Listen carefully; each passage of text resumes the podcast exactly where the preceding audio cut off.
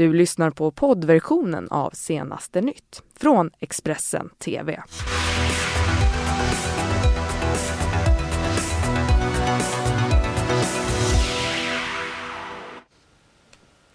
Vi säger god morgon och välkommen till Senaste nytt i denna torsdag. Eh, den 20 juni har börjat bli morgon, midsommarafton. Eh, jag heter Johanna Gräns. Och jag heter Jenny Pierrot och det här är våra nyheter. Kinas president Xi Jinping har anlänt till Nordkorea. Och Lars Adaktusson lämnar nu Kristdemokraternas partiledning efter den heta abortdebatten. Och idag så inleds EUs viktiga klimatmöten. Expressen är på plats i Bryssel. Mm, vi ska börja med då att Kinas president Xi Jinping har landat i Nordkorea eh, för presidentens första officiella eh, besök i landet. Och där ska Xi Jinping träffa Nordkoreas ledare Kim Jong-Un för samtal bland annat om kärnvapenfrågan men också om ekonomin. Och besöket är faktiskt det första av en kinesisk president sedan 2005. Ja, och för Kim Jong-Un så är besöket en chans nu att visa att han fortfarande åtnjuter Kinas stöd. Efter besöket i Nordkorea så fortsätter Xi Jinping sen till G20-mötet som är i Japan som går av stapeln då den 28 fram till den 29 juni. Och den stora frågan är om Kinas president då träffar Donald Trump för att diskutera den pågående handelskonflikten som just nu eh, pågår mellan Kina och USA och lite mer då nu om G20-mötet. Ja, för något som faktiskt redan är klart det är att USAs president Donald Trump kommer att eh, träffa Rysslands president eh, Vladimir Putin då under G20-mötet i Japan. Det här säger Trump själv till Fox News och sen tidigare var det även känt att eh, han kommer ha möten då eh, eh då, förmodligen då med Kinas eh, Xi Jinping. Eh, han säger till TV-kanalen att han vill komma överens både med Ryssland eh, och eh, då Kina. Eh, ja, vi får se hur det går helt enkelt på G20-mötet. Mm. Så länge så går vi inrikes och till inrikespolitik. Lars Adaktusson lämnar nämligen Kristdemokraternas partistyrelse och rollen som andra vice partiledare. Det avslöjar han för Expressens eh, Torbjörn Nilsson. Och Kristdemokraternas, eh, eller KD-toppen, säger att han saknade partiledningens stöd när abortdebatten bröt ut och ställer därför inte heller upp för att bli omvald på partiets eh, riksting i höst. Lars Adaktusson vill sluta som vice ordförande i Kristdemokraterna och tänker inte sitta i partiets styrelse. Det säger han i en intervju med Expressens Torbjörn Nilsson. Adaktusson säger i intervjun att han känner ett starkt stöd från medlemmar och aktiva i Kristdemokraterna och att han inte känner sig utfryst. Han säger att det från partiledningens sida man varit kritisk mot honom. Anledningen är Adaktussons sätt att rösta i abortfrågor som uppmärksammades i en DN-artikel under EU-valveckan. Partiledningen inklusive partiledaren Ebba Busch Thor sa att Adaktusson valt en för rigid linje i abortfrågan. Det rigida var tillämpningen av den så kallade subsidiaritetsprincipen, hållningen att EU inte alls ska syssla med abortfrågor. Det var orsaken till att Adaktusson hade röstat nej i voteringarna. Han berättar själv i intervjun.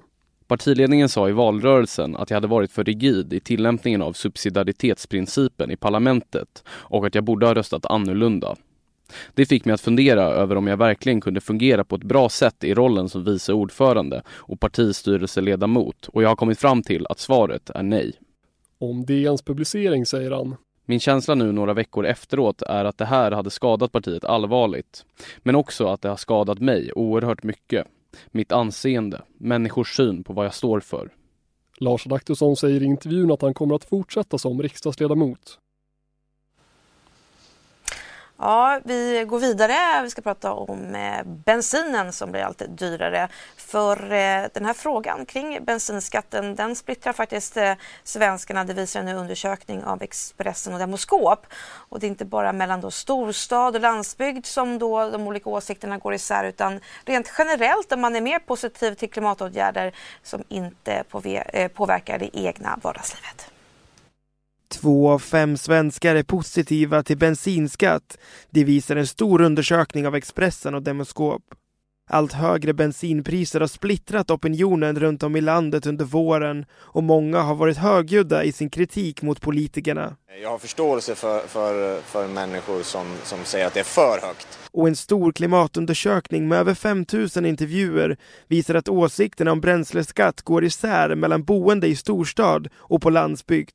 Nästan varannan storstadsbo är positiv till bränsleskatt jämfört med en tredjedel av boenden på landsbygden. Och frågan delar också väljarkåren. För hela 94 procent av miljöpartisterna är positiva till bensinskatt medan bara hälften av S-väljarna svarade samma. Det vi behöver en, eh, en omställning, en eh, klimatomställning. Våra bilar ska naturligtvis inte köras på bensin framöver. Jag tycker att det är naivt att tro att eh, bara man höjer bensinpriset i Sverige så räddar vi planeten ifrån detta klimathot. Så är det ju inte, utan det är ju andra större och effektivare åtgärder som krävs. De som är minst positiva, med bara 15 procent som tycker att bensinskatt är en bra idé, är de som röstar på SD respektive KD. Argumenten för en höjd bensinskatt handlar om att vi måste minska bensinförbrukningen och använda miljövänligt bränsle. Dessutom så kan pengarna som kommer in användas till att bygga ut kollektivtrafiken. Argumenten mot en höjd bensinskatt det handlar om att det här drabbar vanliga människor, inte minst de som bor i glesbygden och är bilberoende. Dessutom så hotas jobb och tillväxt. Mm, så ska vi berätta att efter obduktion så stärks nu polisens misstankar om brott efter larmen om misstänkta insulinöverdoser på ett äldreboende i Västsverige. Det var ju i maj som de här uppgifterna om att det pågår flera utredningar om ett misstänkt mord och två mordförsök orsakat av misstänkta överdoser av insulin. Efter obduktionen nu så utesluter polisen att medicin har förväxlats. Med det så ska vi vidare till Gottsunda och Uppsala. Ja men precis, för eh, en person skadades efter en skottlossning i Gottsunda centrum Uppsala igår. Och läget för den skadade ska nu vara stabilt enligt TT. Och Expressens reporter Stina Dale, hon var på plats och kunde rapportera så här ifrån polisens avspärrningar. När vi kom hit så pratade vi med ett vittne som såg den här skjutningen och sprang in och gömde sig.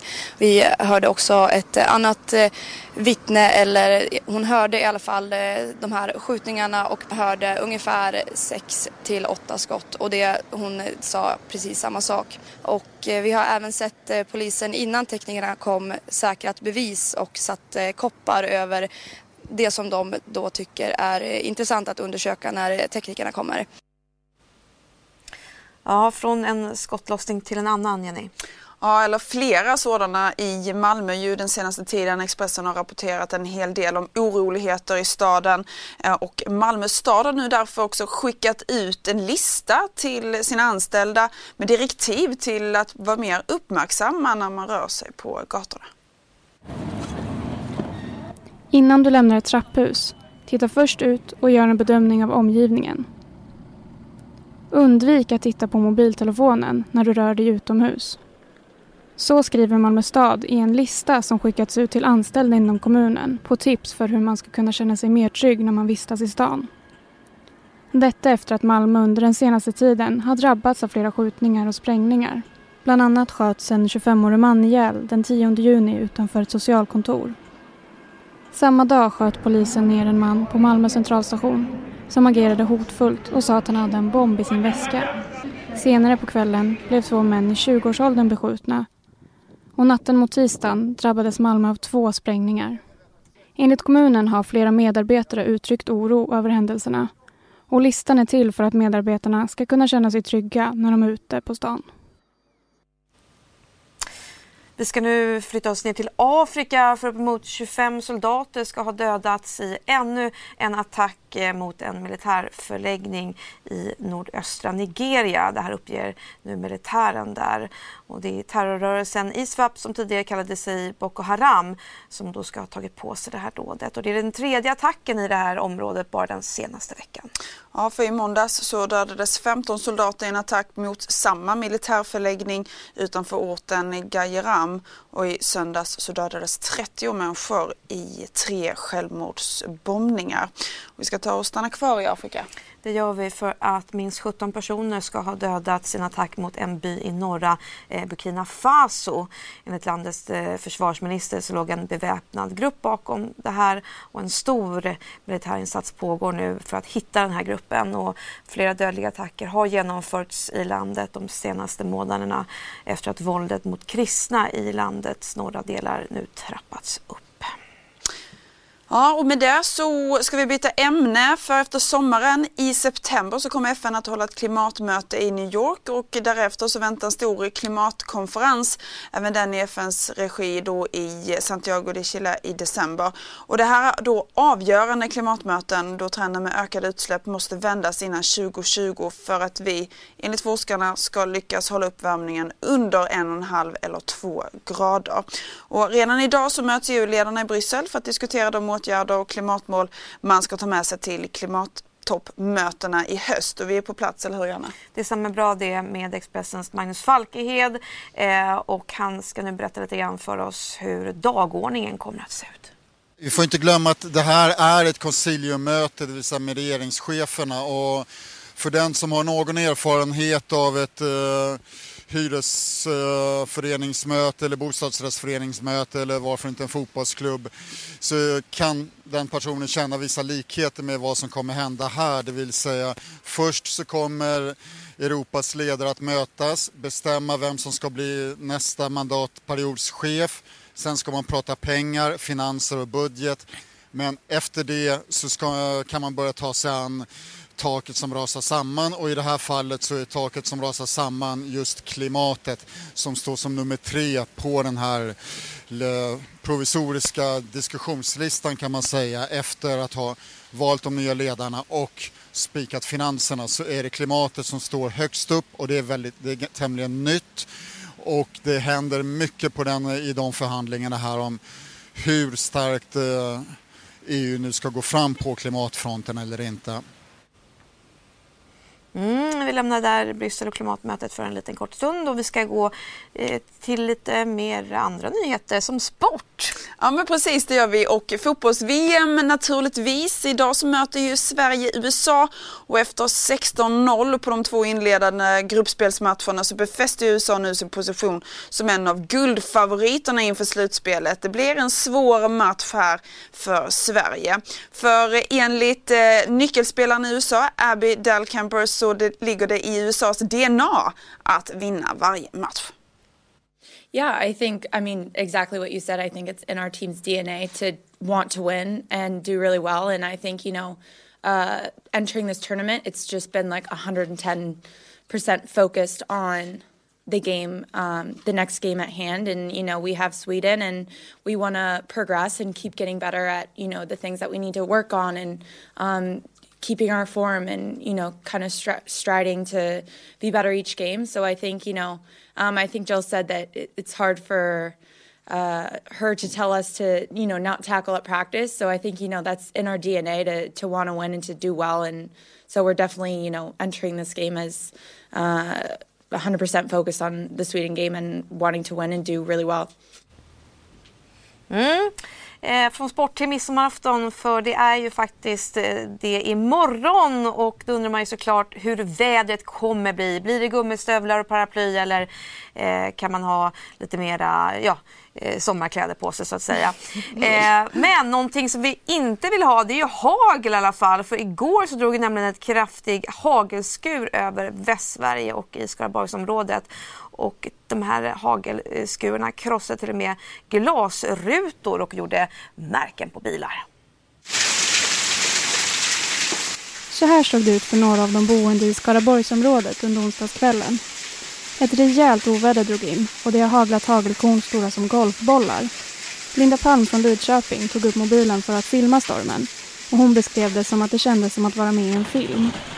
En solig midsommarafton kan kännas långt borta just nu för de boende i Västsverige.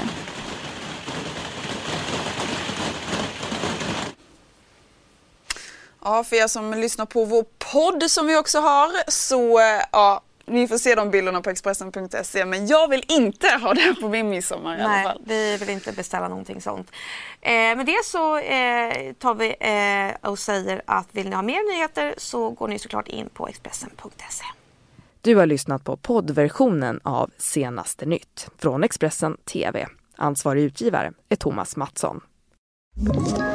Ett poddtips från Podplay. I fallen jag aldrig glömmer djupdyker Hasse Aro i arbetet bakom några av Sveriges mest uppseendeväckande brottsutredningar. Går vi in med hemlig telefonavlyssning och, och då upplever vi att vi får en total förändring av hans beteende. Vad är det som händer nu? Vem är det som läcker?